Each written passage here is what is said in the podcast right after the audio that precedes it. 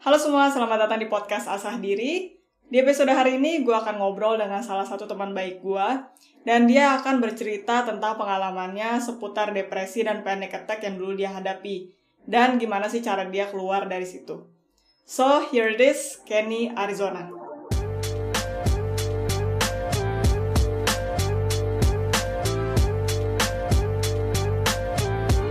Halo Ken. Halo Vin, apa kabar? Baik-baik. Nah, untuk membuka interview kita nih Ken, atau diskusi kita hari ini, lu bisa ceritain sedikit nggak sekarang lu kegiatannya ngapain, atau dulu lu kuliah jurusan apa? Gua baru aja lulus dari kampus uh, Binus untuk jurusan finance Vin. Uh, dan sekarang gue baru aja kerja sih di bagian finance di perusahaan di Jakarta Pusat dan iseng-iseng sih bikin bikin YouTube sih Vin, bikin YouTube juga. Sesama youtuber dan content creator. Oke, um, jadi kita kan hari ini memang ingin membahas pengalaman lu soal struggle lu waktu itu menghadapi depresi sama ya nyerempet panic attack lah ya. Nah, um, lu bisa ceritain dulu nggak? Ini tuh mulainya kapan sih kan si mulai lu merasa bahwa wah kayaknya gue depresi nih. Kan kalau lu cuma kayak sedih-sedih biasa gitu kan normal ya. Cuma depresi itu kan udah kayak ke tahap yang memang ekstrem kan. Kapan lu mulai ngerasa kayaknya wah gue di titik depresi nih Gue inget banget, gue pertama kali gue depresi parah dan sampai kena panic attack itu tuh pas gue zaman SMP, Vin. Jadi tuh ceritanya gue dijauhin sama teman SMP gue. Gara-gara gue ngebelain teman deket gue gitulah terus jadi kayak satu kelas gitu kayak ngejauhin gue sama temen gue dan waktu itu gue sampai minta bonyok gue untuk pindah sekolah gitu loh. Gue sampai nangis nangis gue sampai muntah-muntah juga. Saking gue depresi banget lah saat itu. Itu pertama kali sih gue kena panic attack dan depresi parah banget sejak SMP kelas 2 berarti itu kalau flashback ke belakang berapa tahun lalu ya kan itu kira-kira 15 tahun yang lalu deh Oh, udah lama pas gue ya? umur iya eh 15 tahun yang lalu sekitar tahun Hmm. 2005 lah Hmm. Ya, mungkin buat info sedikit, eh fun fact, gue sama Kenny itu dulu temen les bahasa Jerman di Goethe Institute. Dan iya bener tahun ya, 2009 sejak itu kita- ya. Iya, kita tetap kayak keep contact gitu. Si Kenny juga pernah sempat ke Jerman, gue di Austria, dan gue juga cukup mengikuti eh apa ya kan waktu itu mengikuti kayak masa-masa lu ya menghadapi depresi itu. Dan ya lu tahu sih perjalanan hidup gue Iya, menurut lu waktu itu itu kayak di satu momen hmm, langsung ekstrem gitu kan, langsung lu dapat panic attack itu apa menurut lu itu kayak sedikit demi sedikit tuh dibangun oleh momen-momen yang menurut lu tidak mengenakan. menurut gue itu tuh pemicu terbesar dan paling utama dari panic attack itu tuh depresi sih Vin. Dan tergantung seberapa uh, seberapa uh, seberapa kuatnya depresi itu. Jadi kalau misalkan emang lu depresi tapi masih termasuk depresi ringan nggak akan sampai kena panic attack. Cuman kalau misalkan depresi lu udah parah banget itu baru bakal langsung jadi panic attack. Kalau gue sih kayak gitu ya.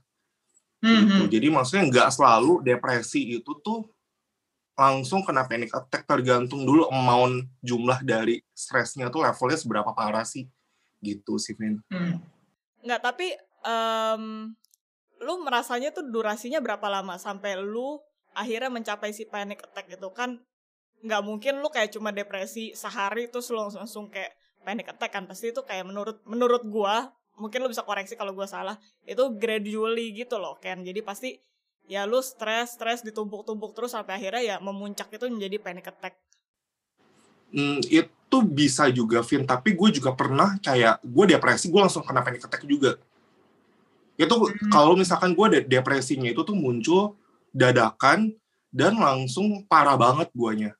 Dan itu langsung gue kena panic attack sih. Itu udah lumayan lama, gue tuh kena panic attack bisa setengah jam. Dan itu gila gue berasa udah mau mati banget kalau udah kena panic attack. mungkin lu bisa Rasanya- share kan? Iya ha. Jadi kayak rasanya tuh gimana sih kalau lu kena panic attack itu?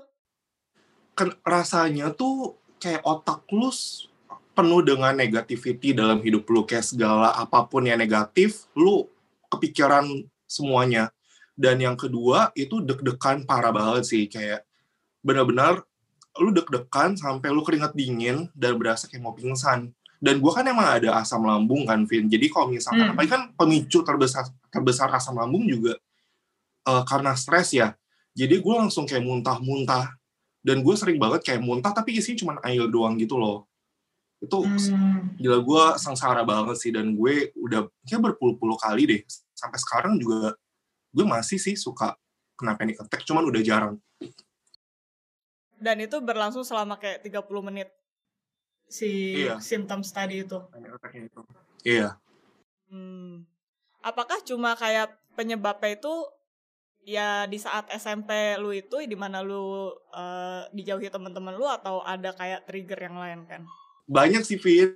Uh, karena kan itu SMP gue pertama kalinya. Jadinya itu gue mulai kena panic attack lagi tuh semenjak gue uh, di Jerman deh di Jerman gue yang pas gue ke Jerman tahun 2012 Januari tuh yang pas gue ke Bonn itu kan gue tinggal sendiri kan dan gue stres karena gue takut untuk ke mana-mana. Gue sampai berat berat badan gue turun 6 kilo. Jadi cuma 4 44 kilo berat badan hmm. gue gara-gara yeah. gue stres banget. Itu di sana gue sendirian gue kena panic attack juga. Dan paling inti terbesarnya adalah ketika lu mengalami ketakutan dalam hidup lu sih dan ketika lu merasa lu nggak kuat untuk menghadapi masalah dalam hidup lu itu menjadi timbul panic attack-nya kalau hmm. dari gue sih ke situ sih dan makanya penting bangetnya untuk tahu akar dari kenapa sih lu bisa kena panic attack? Apa sih yang menyebabkan lu depresi gitu loh? Itu penting banget sih. Tapi itu uh, berarti kan lu ibaratnya langsung dihadapkan di momen saat lu mendapatkan depresi itu berarti kan itu pada waktu uh, momennya itu sangat tiba-tiba berat itu kan di mana lu kayak tiba-tiba sendiri, tiba-tiba lu dijauhin temen lu gitu kan. Uh, pertanyaan gue kalau sebelum-sebelumnya kan sebelum kasus yang gue anggap gede itu ya yang kayak ya gede lah lu kalau menghadapi masalah-masalah di hidup lu lu sering gak sih yang cepet kayak wah ini kayaknya stres banget nih masalah ini gitu. Apa sebelum sebelum sebelum sebelumnya lu kalau menghadapi masalah kayak oh ya udahlah ini cuma masalah kecil bla bla bla gitu.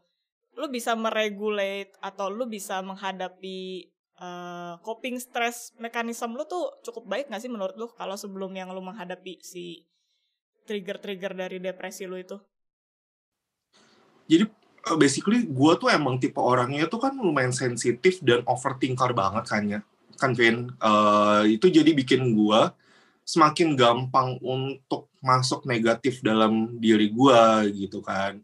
Dan sebelum kejadian yang gue kena depresi dan panic attack itu gue pun udah kepikiran gitu. Maksudnya kepikiran dengan masalah-masalah dalam hidup gue cuman hmm. enggak itu masih bisa di eh, masih bisa dihandle lah. Makin parah ketika kayak gue ngerasa beban masalah gue itu tuh semakin berat hingga gue nggak bisa ngehandle-nya lagi sih. Hmm. Hmm. Um, waktu lu merasakan panic attack itu, by the way mungkin gue boleh share sedikit ya. Gue pernah dalam hidup gue mengalami satu kali panic attack kan. Waktu gue mau mempersiapkan diri gue ke Austria itu. Dan gue waktu itu nggak tahu kalau itu namanya panic attack gitu. Cuma waktu itu ada satu malam di mana gue merasa pas gue tidur itu tuh gue nggak bisa tidur dan gue berasa kalau misalkan gue tidur itu gue nggak bakal bangun lagi. Dan itu tuh gue kayak anjir panik banget sampai gue ke UGD terus dokternya coba bilang oh ini kamu asam lambungnya lagi naik kamu stres ya. Jadi bener yang lu bilang tadi jadi asam lambungnya langsung kepicu gitu. Tapi waktu itu gue nggak tahu itu namanya panic attack gitu. Nah waktu lu panic attack itu tuh di pikiran lu apa sih kan? Apa cuma kayak masalah lu waktu itu doang atau lu jadi kayak merembet ke mana-mana gitu di kotak lu? Yang gue pikirin semuanya sih, kayak akumulasi dari segala masalah dalam hidup gue, semua negatif dalam diri gue, kayak maksudnya, uh, aduh, gue uh, gue punya banyak banget masalah nih, terus habis itu belum lagi kayak pressure, kayak gue banyak kurangnya deh, maksudnya kayak gue nggak pantas hidup di dunia ini, gue nggak pantas untuk mendapatkan hal baik dalam hidupnya kayak gitu jadi hmm. itu itu bikin gue semakin semakin panik lagi, semakin gue merasa kayak wah gila, gue kayak dikit lagi mati deh. karena nggak enak banget sih Vin rasanya kayak gitu. Bener-bener sengsara banget. Gue pun sampai kadang-kadang nangis sih karena bener-bener menyiksa banget gitu. Abisnya yang gue ngerasa juga kayak yang paling jahat itu tuh bukan orang lain ya tapi yang paling jahat adalah pikiran lu sendiri sih. Dan lu maksudnya harus yeah. deal with ya pikiran lu sendiri dan itu penting banget untuk kontrol pikiran lu. Itu gue sampai sekarang gue emes sih kan gimana pikiran kita itu bisa kayak apa ya mengambil kontrol akan pemikiran kita gitu sampai sampai akhirnya bisa segitunya gitu. Dikelilingi kayak ibaratnya kayak kabut hitam gitu ya di di kepala kita. Itu gue sampai sekarang juga masih emes sih. Um, pertanyaan gue apakah waktu itu lu mencari bantuan profesional kan ke lu kayak ke terapis atau lu minum uh, apa obat buat menenangkan diri kayak gitu gitu mungkin gue jelasin uh, garis besarnya dari perjalanan hidup gue dulu kayaknya biar hmm. kayak lebih jelas juga. Jadi itu kan gue ke Jerman kan dengan tujuan untuk pengen kuliah di sana. Kayak lo tau lah dulu gue desperately pengen banget bisa kuliah di Jerman. Kayak gitu. Terus habis itu pas gue udah sampai sana ternyata gue nggak nggak jadi lah kayak nggak jadi kuliah di sana akhirnya gue balik Indo for good. Dan di situ gue ngerasa kayak gila gue udah punya cita-cita tapi gagal nih. Kayak gue merasa gue makin eh, ngerasa rendah banget gitu sih. Kayak maksudnya kayak gue ngerasa kok gue gue nggak pintar untuk bisa sekolah di sana. Kayak gitu. Terus akhirnya gue masuklah ke tempat kuliah di tempat lu kuliah dulu juga Vin. Di adalah gitu nah di situ gue mikir kan karena gue udah udah gagal di Jerman udahlah gue kuliah di Indo asal-asalan aja yang penting gue punya banyak teman yang kayak gitu. Dan itu justru malah menjerumuskan gue semakin lebih parah lagi. Gue jadinya kayak ya udah kayak lari ke hal-hal yang gak benar gitu loh kayak lari ke alkohol drugs dan yang lainnya. Parah banget sih gue dulu. Dan ada momen di mana sekitar di tahun 2015 tahun 2000 eh 2016 awal deh 2016 awal bulan Januari itu gue stres banget karena gue tahu tipe gue tuh bukan kayak begitu gitu loh. Gue bukan tipe yang rusak memilih untuk rusak gitu. Cuman emang gue waktu itu salah jalan aja. Dan abis itu itu menjadi jadi turning point gue banget sih. Gue nangis nangis ke bonyok gue dan dan cici gue juga gue bilang gue udah capek hidup rusak kayak begini. Gue udah gue udah gak sanggup lagi ngejalanin hidup kayak gini. Tolong masukin gue ke rumah sakit jiwa. Gue udah gak tahan lagi. Karena di momen itu Vin gue tahu mana yang benar dan mana yang salah tapi gue nggak bisa melakukannya. Gue nggak bisa memilih gitu. Kayak kan apalagi kan gue udah terbiasa selama bertahun-tahun dari gue 2013 balik dari Jerman sampai saat itu gue berubah itu tahun 2016 awal hampir tiga tahun Vin gitu kayak gue terbiasa hidup rusak dan apalagi kan kebiasaan akan membentuk mindset ya. Hmm. kejadian yang dilakukan berulang kali akan membentuk mindset dan akan membentuk diri lo dan itu tuh yang paling susah untuk ngubahnya. Gua nggak bilang itu nggak bisa, cuman itu butuh proses dan butuh kesabaran sih dan kegigihan juga. Kayak maksudnya kalau emang belum bisa berubah ya bersabar yang penting step by step lah kayak gitu. Nah itu bikin gue merasa ya udah gue butuh pertolongan nih gue mau masuk rumah sakit jiwa gitu gue bilang ke bonyok gue dan cici gue kan dokter Vin. Dan cici gue waktu itu ngerekomendasin ke bonyok gue untuk dibawa ke sanatorium Dharma Wangsa jadi ini jadinya ini tuh rumah sakit jiwa sih di daerah Dharma Wangsa gue emang udah terbiasa dari gue SMP itu selalu ke psikolog. Berkali-kali karena gue suka ada permasalahan dengan uh, diri gue sendiri lah gitu. Kayak ngerasa sesuatu yang aneh dalam hidup gue gitu. Dan gue butuh uh, psikolog saat itu.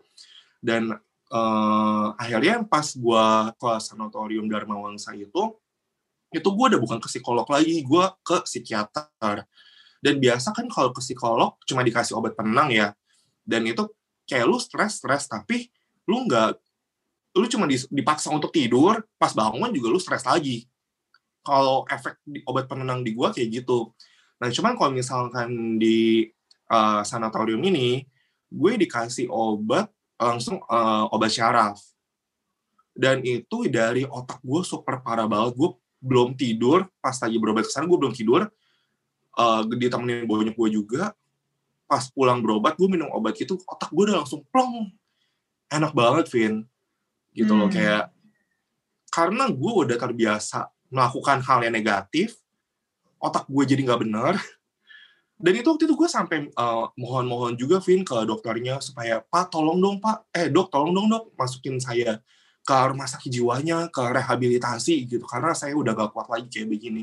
Cuman kalau kata dokternya kasus gue tuh belum parah. Jadi masih bisa dihandle dengan obat aja. Saat itu dan ya udah gue dari situ gue karena otak gue udah bisa berpikir dengan jernih lagi gue mau memutuskan untuk ya udah gue berubah gue mau berubah gue nggak mau hidup rusak lagi. Kayak gue tahu gue bakal susah cuman gue harus harus lakuin gitu loh. Lu mau sampai kapan hidup rusak kayak begini kan akhirnya waktu itu cara gue untuk lepas dari masa lalu gue rusak gue blok gue unfollow semua teman-teman gue juga yang lama. Karena di saat gue nggak punya teman sama sekali gue akan membiasakan diri gue dengan dengan habit yang baru Vin. Kayak maksudnya kalau misalnya gue nggak punya teman kan gak ada yang ngajakin gue pergi lagi. Ada sih maksudnya gue pilih lah kayak beberapa teman dekat gue di Jakarta yang benar-benar baik sama gue. Yang susah susah seneng adalah buat gue yang kayak gitu. Gue masih keep itu ada empat orang sih. Dan si saya tuh gue unfollow dan ya udah dong kayak maksudnya dulu gue bisa literally setiap hari pergi keluar minum mabuk-mabukan setiap hari gitu. Dari Senin sampai Minggu Vin. Itu gue lakuin tiga tahun. Itu jadi kayak, akhirnya pas gue berat sih emang proses maksudnya proses emang nggak ada yang nggak ada yang enak sih menurut gue cuman kayak lu harus mikir untuk ke depannya itu akan merubah diri lu menjadi lebih baik lagi. Kayak worth it lah gitu. Kayak maksudnya perjuangan berat-beratnya proses yang lu jalani endingnya pun akan baik kok selama lu punya tujuan yang baik. Gue percaya banget hal itu sih Vin. Itu yang bikin gue realize banget. Dan akhirnya ya udah gue bilang ke bonyok gue untuk gue dikasih uh, last chance lah dari bonyok gue untuk gue kuliah lagi. Karena gue, gue mau hidup dengan dengan bener lah kayak gitu. Nah di situ ya udah deh gue masuk ke binus. Ya udah hidup gue udah jauh lebih baik daripada dulu sih. Kayak gitu. Maksudnya ya gue bukan berarti gue nggak ada masalah sama sekali tapi kayak udah lebih bisa dihandle lah. Gitu. Nggak sehancur dulu kok. Gitu yeah. Vin. Oke oke. Okay. uh, menurut gue itu poin yang penting banget sih kan kayak buat di share ke teman-teman. Soal lu memilih kayak inner uh, circle lu itu ya orang-orang yang bisa memang ya bener kata lu ada untuk lu di saat susah dan senang dan bisa membawa lu menjadi pribadi yang lebih baik. Itu menurut gue penting banget sih memang punya orang-orang seperti itu. Uh, tapi kan gue punya satu pertanyaan nih. Ini kalau misalkan ini terlalu pribadi buat lu mungkin lu nggak usah jawab juga nggak apa-apa uh, kan lu tadi waktu awal juga bilang bahwa lu kadang merasa kayaknya kayak gue nggak nggak worthy nih kayak gue nggak bernilai gitu kan. Kayak gue nggak pantas ada di dunia ini gitu kan. Itu lu punya kayak trauma di masa lalu gak sih kan yang menyebabkan lu punya mindset seperti itu gitu? Kalau menurut gua kan kayaknya kalau di saat lu dijauhi teman-teman lu aja itu ya gua nggak bilang aja ya maksudnya cuma momen itu aja. Kayaknya kan lu nggak mungkin merasa sampai segitunya gitu. Pasti menurut gua kayaknya ada luka yang lebih mendalam gitu yang sampai bikin lu punya pemikiran seperti itu.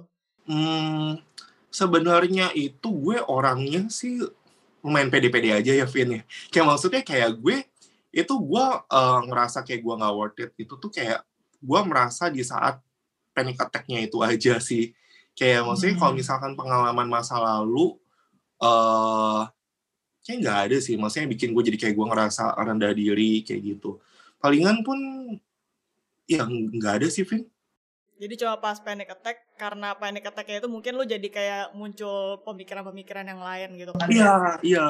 Itu kayak maksudnya kayak ada bisikan-bisikan kayak di mana kayak hal negatif apa pun dalam hidup lu gitu loh. Cuman kayak di saat lu udah lu udah tenang kayak, kayak maksudnya itu bukan diri lu. Maksudnya gua gua bukan tipe yang apa?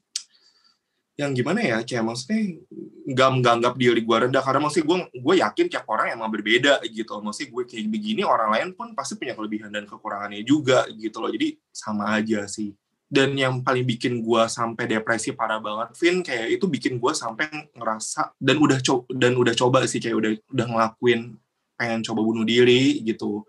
Gue sampai cutting tangan gue juga gue udah sampai coba minum obat penenang yang banyak gitu. Saking gue udah ngerasa kayak gue udah nggak udah nggak pantas hidup lagi gitu. Karena gimana ya segala aspek dalam hidup gue tuh kayak udah gagal gitu. Kayak kayak keluarga kayak gue masa perkuliahan gue juga kayak gue ngerasa masa depan gue udah udah nggak ada artinya lagi gitu loh. Makanya gue untuk memutuskan untuk coba bunuh diri saat itu. Dan gue cutting pun waktu itu di depan bonyok gue juga. Lo tau gak sih cerita ini kayaknya enggak deh. Kayak gue tahu lu pernah sempat bilang ke gue lu pengen pengen bunuh diri tapi gue nggak tahu lu sampai gimana ceritanya kan di depan boyok lu. Oh udah terjadi uh, tapi tapi lu benar-benar cut ya ini tangan gue masih ada bekasnya sampai sekarang. Kayak gitu. Ya jadi cari jadi itu pasti gue ng ngelakuin bunuh diri itu yang gue cobain ada kali lima kali. Itu yang pertama di rumah gue banting banting beling botol obat batuk gitu loh Vin ke lantai pecah habis itu gue mau coba apa memotong tangan gue lah saat itu karena gue udah stres banget kan. Nah uh, itu gue masih di kamar doang. Nah yang berikut berikutnya pas gue cutting itu gue habis pulang clubbing eh, pagi-pagi bahkan kayak sekitar jam 6 pagi bonyok gue lagi di depan di ruang di ruang keluarga gue ke dapur gue ambil pisau gue kayak potong-potong tangan gue gitu Vin. Di depan mereka. Jadi sempat ada momen ya di mana kayak di rumah gue tuh nggak ada alat tajam sama sekali. Jadi kayak diumpetin bonyok gue saking iya mereka takutnya gue ngelakuin hal itu lagi. Gila itu gue depresi banget sih Vin. Karena emang kayak gue udah ngerasa nggak ada alasan gue untuk hidup lagi. Ya, maksudnya gue nggak saat itu kan kalau hidup gue rusak jadinya gue nggak ada sama keluarga gue hubungan gue dengan keluarga pun jadi nggak baik. Gue nggak punya teman-teman yang yang positif gitu loh. Terus tambah lagi kayak kuliah gue hancur. Gue nganggur kan saat itu kan satu setengah tahun pas gue berhenti dari universitas yang pertama itu kayak terus alasan gue untuk hidup apa lagi jadi makanya gue ngerasa di situ gue butuh banget pertolongan sih karena gue ya makin lama makin parah, Vin. Hmm. Ya, tapi untungnya lu masih ada di sini sekarang ya, kan? Iya. Makanya gue ngerasa kayak setiap manusia ada di dunia untuk untuk tujuan yang le lebih baik dan lebih besar lagi gitu loh. Dan gue tetap percaya itu sih. Itu si panic attack itu mungkin gak sih kan muncul kayak lu lagi tiba-tiba lagi nyantai-nyantai gini ya, lagi ngobrol sama temen lah, orang lagi ngapain lah bisa gak sih kayak muncul tiba-tiba gitu kan? Apa itu kayak lu waktu di momen lu sendiri baru lu kayaknya muncul si bisikan-bisikan itu sampai akhirnya jadi panic attack? Mostly sih biasanya gue selalu sendiri sih, Vin. Kalau gue lagi sendiri di kamar, terus habis itu kayak otak gue udah mulai itu ke mana-mana. Kan maksudnya gue kan oh pemikir banget orangnya, jadi itu kayak otak gue nggak pernah bisa berhenti mikir. Dan kayak di saat uh, gue lagi ada lagi meresapi suatu emosi atas suatu masalah gue yang berat banget itu langsung deh muncul saat itu juga kayak gitu cuma kalau misalkan gue lagi barengan sama teman-teman hangout sama teman nggak pernah sih untungnya jadi kebanyakan uh, kalau gue lagi sendiri kayak gitu hmm. sekarang lu gimana Ken kalau lu melihat ke 15 tahun yang kemarin itu yang pertama kali lu mengalami depresi dan panic attack itu dan lu melihat diri lu sekarang keadaan lu gimana sekarang? Gue ngerasa udah jauh lebih jauh udah lebih tenang sih kayak maksudnya gue udah lebih bisa mengontrol lah karena maks yang gue pelajari juga ya Vini maksudnya gak semua masalah lu harus resapi gitu loh. Lu nggak usah harus terlalu meladeni akan suatu masalah. Karena maksudnya ya hidup emang udah banyak masalah. Bukan berarti kayak lu harus fokusin diri lu untuk masalah. Kayak harus lebih bisa diforsir lah gitu. Kayak mana yang harus lu pikirin mana yang enggak gitu. Harus bisa disortir juga sih. Itu penting banget Vin. Karena kayak semakin lu menaruh emosi negatif terhadap suatu masalah itu akan membawa diri lu menjadi semakin terpuruk lagi. Jadi ya Hmm. itu sih yang gue terapin sekarang juga gitu. Maksudnya masalah sekarang masalah gue sekarang juga ya masih banyak juga. Cuman Iya, kan iya. the way gue gimana cara gue untuk ngehandle-nya itu paling penting sih. Dan lu harus bisa bikin mindset lu juga eh, apa ya yang yang positif lah gitu. Biar kayak lu ngejalaninnya pun lebih lebih tenang Tapi gimana lu mencapai mindset itu kan? Karena kalau dengar cerita lu itu kan kayaknya udah maksudnya ya sulit lah keluar dari si depresi itu kan yang udah segitu beratnya sampai lu punya panic attack gitu. Yang menurut lu sangat membantu lu bisa keluar dari situ apa sih? Atau momen apa yang menurut lu kayak ah, ini nge-switch lu banget nih sampai lu akhirnya harus berubah? Eh, ada beberapa faktor sih nya kayak eh, terutama dari dari teman-teman baik gue gitu kayak yang selalu ngasih gimana ya saran-saran yang positif lah buat gue gitu. Kayak maksudnya salah satunya kan juga lu lu Vin. Waktu itu kan gue kan selalu gue selalu ceritakan kayak segala masalah yang berat banget yang gue nggak bisa handle sendiri pasti gue cerita ke teman-teman dekat gue dan pasti teman-teman dekat gue pun support gue banget gitu. Bahkan kayak itu menjadi apa ya salah satu ke- kekuatan lah buat diri gue sendiri. Cuman ya ya menurut gue balik lagi ke diri ke diri kita masing-masing sih. Maksudnya orang lain akan bilang apa pun kalau misalkan diri kita sendiri menutup menutup akan omongan orang lain ya itu juga susah sih. Maksudnya kita pun harus bisa menerima diri kita tuh sedang ada masalah dan kita butuh orang lain dan membuka diri gitu loh pelan-pelan. Dan itu yang jadi di saat lu membuka diri pelan-pelan kayak orang baik di sekitar lu dengan omongan-omongan yang positif juga akan masuk dalam diri lu. Itu menjadi support system lu juga kan. Dan yang paling utama sih emang diri lu sendiri sih. Kayak diri lu sendiri yang bisa membentuk mindset. Yang bisa mengubah diri lu ya hanya diri lu sendiri. Dan itu yang gue tanemin karena dulu tuh gue tipenya berharap banget sama manusia Vin. Kayak dikit-dikit kalau misalkan manusia orang lain nggak sesuai dengan harapan gue gue kecewa sama mereka. Dan itu gue belajar banget karena itu gue lumayan bertahun-tahun sih kayak diri gue dulu kayak gitu. Kayak selalu bergantung sama orang lain. Dan gue sekarang lebih ke tipe yang kayak kalau bisa sendiri sendiri gitu. Kayak ya emang kan maksudnya manusia adalah makhluk sosial balik lagi. Cuman kalau bisa sendiri ya kenapa harus bergantung sama orang lain kan? Karena semakin lu attach sama orang lain menurut gue kayak itu semakin semakin kebahagiaan lu bergantung sama orang lain juga sih Setuju jadi banget. better kayak lu harus menjadi kekuatan untuk diri lu sendiri bukan dari orang bukan untuk orang lain gitu loh Hmm. Ya kadang kecewanya itu juga karena lu menaruh ekspektasi yang terlalu besar ke orang di depan lu gak sih? Jadi kayak lu merasa, iya itu benar ya misalnya dia bisa ngebantuin gue tapi ternyata nggak bisa. Terus lu kecewa. Jadi, Iya, ya itu sih yang kenapa gue eh gue udah ber, berpuluh-puluh kali deh dikecewain temen gitu loh kayak gue ada di saat temen gue susah, tapi di saat gue susah nggak ada yang ngebantuin gue yang kayak gitu, kayak terjadi berulang kali yang bikin gue gue sedih banget. Itu bikin itu itu juga jadi pemicu depresi gue loh Vin.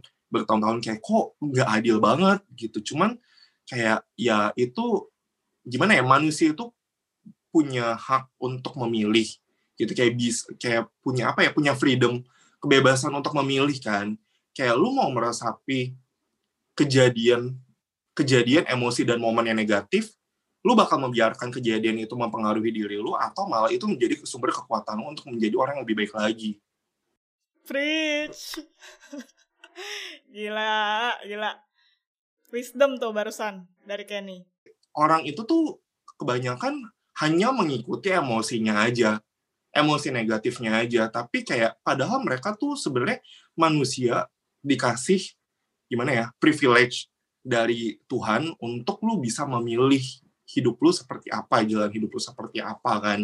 Ya, kalau misalnya banyak juga orang yang kayak ya udah gue ngambil emosi negatifnya, ya udah gue jadi negatif juga. Karena gue pernah juga Vin kayak dulu, kayak gitu maksudnya. Kayak gitu makanya itu sesuatu yang salah dengan ada kejadian dan momen yang negatif dalam hidup lu bukan berarti diri lu juga harus negatif dong. Justru dari itu lu harus belajar mengolah momen negatif itu untuk menjadi sumber kekuatan hidup lu itu sih Hmm.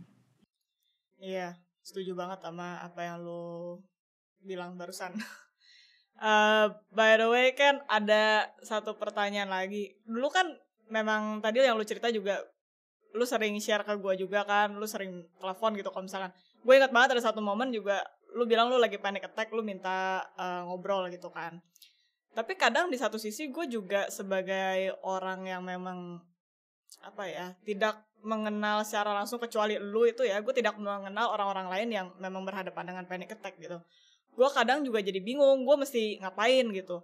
Menurut lu tuh em, sebagai orang yang berhadapan dengan eh, si apa ya orang yang lagi struggle dengan panic attack itu semestinya tuh kita gimana sih kan mestinya tuh gue cuma kayak mendengarkan atau lu pengen ditemenin or lu pengen dikasih petuah-petuah mestinya kita bersikapnya tuh gimana sih kan? Dan menurut lu semestinya tidak bersikap seperti gimana juga? Jadi do's and don'ts-nya tuh apa? Kalau menurut gue sih yang gue butuhkan dari teman di saat ketika gue kena panic attack itu tuh pertama didengarkan dan yang kedua itu tuh diberi kata-kata positif sih Vin.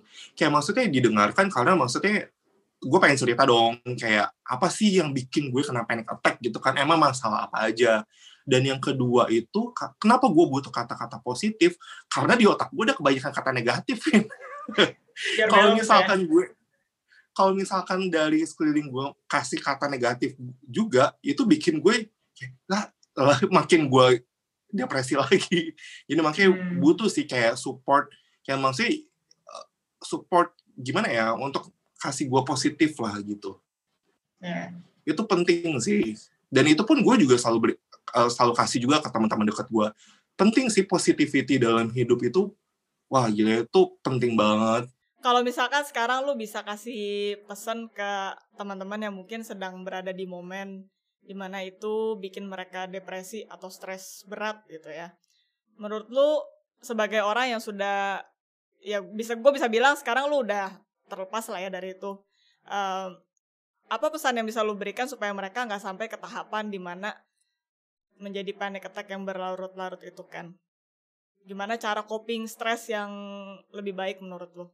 yang gue pelajarin sih jadinya gimana ya terima keadaan terima keadaan kalian sih. Kayak segala emosi yang kalian rasain segala masalah yang kalian hadapi gitu. Karena dengan kalian menerima emosi yang ada maksudnya sedih ya udah sedih.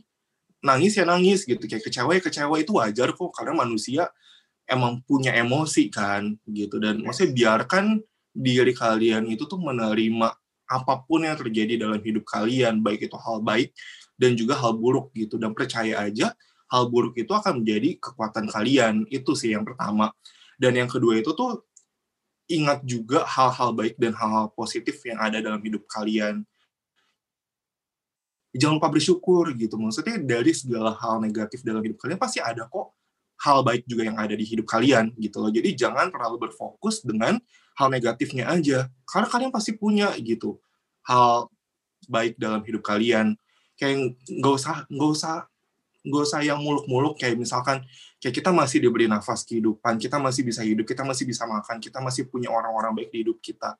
Kayak sesimpel itu juga itu udah hal positif kan kenapa harus butuh hal yang lebih besar lagi gitu loh. Mulailah dari hal-hal kecil dulu. Terus habis itu kalau step terakhir gue sih gue selalu ngingetnya Vin seberat apa pun masalah di hidup kalian pasti akan selesai juga kok. Kayak hari berat pasti akan terlewati juga. Karena kayak yang penting itu kalian tetap berusaha dan punya tujuan yang baik dalam hidup kalian. Kayak semakin kalian mempunyai tujuan hidup yang baik pasti endingnya juga akan baik. Mungkin nggak secepat itu apa yang kalian inginkan mau itu terjadi gitu. Kayak langsung terjadi saat itu juga. Kayak cuman masalah timing aja sih. Kayak mungkin belum. Mungkin nanti gitu loh. Mungkin ini bukan jalannya. Kayak maksudnya bersabar aja yang penting tetap berusaha untuk jadi orang yang baik aja sih Vin. Dan Iya. itu kan kayak segala positivity dalam yang tadi gue jelasin itu tuh akan ngelawan segala negatif dalam otak lu. Itu sih kayak berdasarkan pengalaman gue untuk avoid dari depresi. Ya berdasarkan pengalaman gue Vin dulu kan gue kan tipenya itu tuh pengen lah gitu kayak punya pergaulan yang gaul-gaul lah saat dulu kan. Dan ternyata pergaulan yang gaul-gaul saat dulu itu tuh bikin gue ternyata semakin terjerumus lagi lah ke hal yang ke hal yang negatif gitu. Makanya gue pengen pesan juga untuk kalian yang nonton jaga pergaulan kalian sih. Kayak maksudnya adalah momen apalagi kalau misalnya kalian masih baru lulus SMA atau nggak masih baru-baru kuliah gitu ada ngerasa kayak pengen oh pengennya jadi anak gaul kayak gimana? Kayak gitu. Dan kalian harus bisa memilih sih kayak maksudnya pergaulan mana yang baik dan mana pergaulan yang buruk gitu. Dan bukan berarti sama pergaulan yang buruk pun kalian harus uh, jauh-jauhan. Berteman sama siapa aja cuman balik lagi kalian harus bisa membatasi diri kalian dari hal-hal negatif. Dan carilah pergaulan yang bisa memberikan positivity dalam diri kalian gitu loh kayak karena uh, itu bakal ngebantu banget sih supaya kita pun punya mindset yang lebih positif juga. Hmm. gitu. Iya. Ya penting banget sih kan. Karena menurut gue juga kadang tuh yang kayak gitu memang karena gue merasa anak muda sekarang termasuk gue dulu pun kita tuh mungkin nggak dilatih kan buat punya mindset seperti itu gitu. Bahwa kita harus menjadi orang yang lebih berkembang menjadi orang yang lebih baik gitu kita jadinya cuma tanpa sadar kayak ikut arus famous itu loh arus popularitas gitu jadi ya ya memang penting banget sih dan sayangnya menurut gue yang gue sering lihat dan gue pun mengalami bahwa itu terjadinya ya belakang-belakangan setelah lu menyadari bahwa itu tidak baik untuk lu sih punya circle teman-teman yang memang tidak membuat lu berkembang. Karena karena nggak worth it gitu loh, Vin. Uh, apa yang harus korbanin untuk mendapatkan fame itu dengan popularitas nggak worth it banget dengan apa yang harus dikorbanin lo harus korbanin hmm. waktu uang paling utama sih paling utama uang deh dan lu punya yang lu dapat dari sekeliling lu ya hanya cuman emosi negatif aja bukan emosi positif hmm. jadi nggak nggak worth it lah gitu hmm. Hmm. Oke Ken, uh, thank you banget lu udah mau sharing pengalaman lu secara terbuka. Uh, semoga teman-teman juga yang lagi mengalami apa ya momen-momen depresi bisa ya sedikit demi sedikit keluar dari momen itu gitu. Uh, kalau misalkan ada yang mau kontak lu kan ke mana dan YouTube channelnya apa nih, Kenny? Aduh, ya bagi kalian yang suka dengan cerita-cerita misteri gitu ya, bisa hmm. mampir ke YouTube channel gua di uh, nama YouTube channel gua tuh Kenny Arizona. K K E N N Y A R I Z O N A. Okay. gitu Vin. Vin thank you banget juga ya maksudnya kayak lu bolehin gue untuk sharing pengalaman gitu wah ini udah uh, apa ya pleasure-nya buat gue lah uh, terakhir mimpi lu sekarang apa Ken mimpi gue gue pengennya sih kayak fokus ke YouTube sih Vin kayak maksudnya gue pengen karena gue lagi lagi seneng banget sih belajar hal baru kayak begini pengen fokus ke YouTube juga. Terus tambah lagi kan kayak gue sebenarnya masih pengen juga sih kayak kerja kantoran juga sih kayak maksudnya pengen semakin punya banyak pengalaman lah di bidang finance. Itu sih. Oke. Okay. yang dekat-dekat mimpinya itu dulu. Ya udah. Semoga mimpi-mimpinya tercapai ya jadi youtuber sukses. Kalau dari gue jujur gue bangga sih kan sama lu setelah segi, sekian lama dan gue juga mengikuti kayak struggle lu di masa-masa lu depresi gue bangga sih bahwa lu sudah sampai ke tahap sekarang di mana gue melihat lu juga lebih sehat secara mental dan lu juga bisa kayak ya organize lah di dalam hidup lu kalau gue ngeliatnya. Oke. Okay. Thank you banget, Vin. Thank, thank you, Ken. Semoga mimpinya tercapai. Bye. Ya, thank you. Lu juga, bye. Hey guys, thank you udah ngedengerin episode podcast Asa Diri kali ini. Semoga episode tadi bisa memberikan nilai lebih dan value lebih untuk lo yang ngedengerin. Kalau lu pengen support kita, bisa dengan follow Instagram kita di @asahdiri.ind, subscribe YouTube channel kita di Asah Diri, dan juga bisa taruh review di Apple Podcast. Ingat juga untuk share ke teman-teman kalian dan terus asah diri. Karena berlian tidak bersinar dengan sendirinya. Sampai ketemu di episode selanjutnya.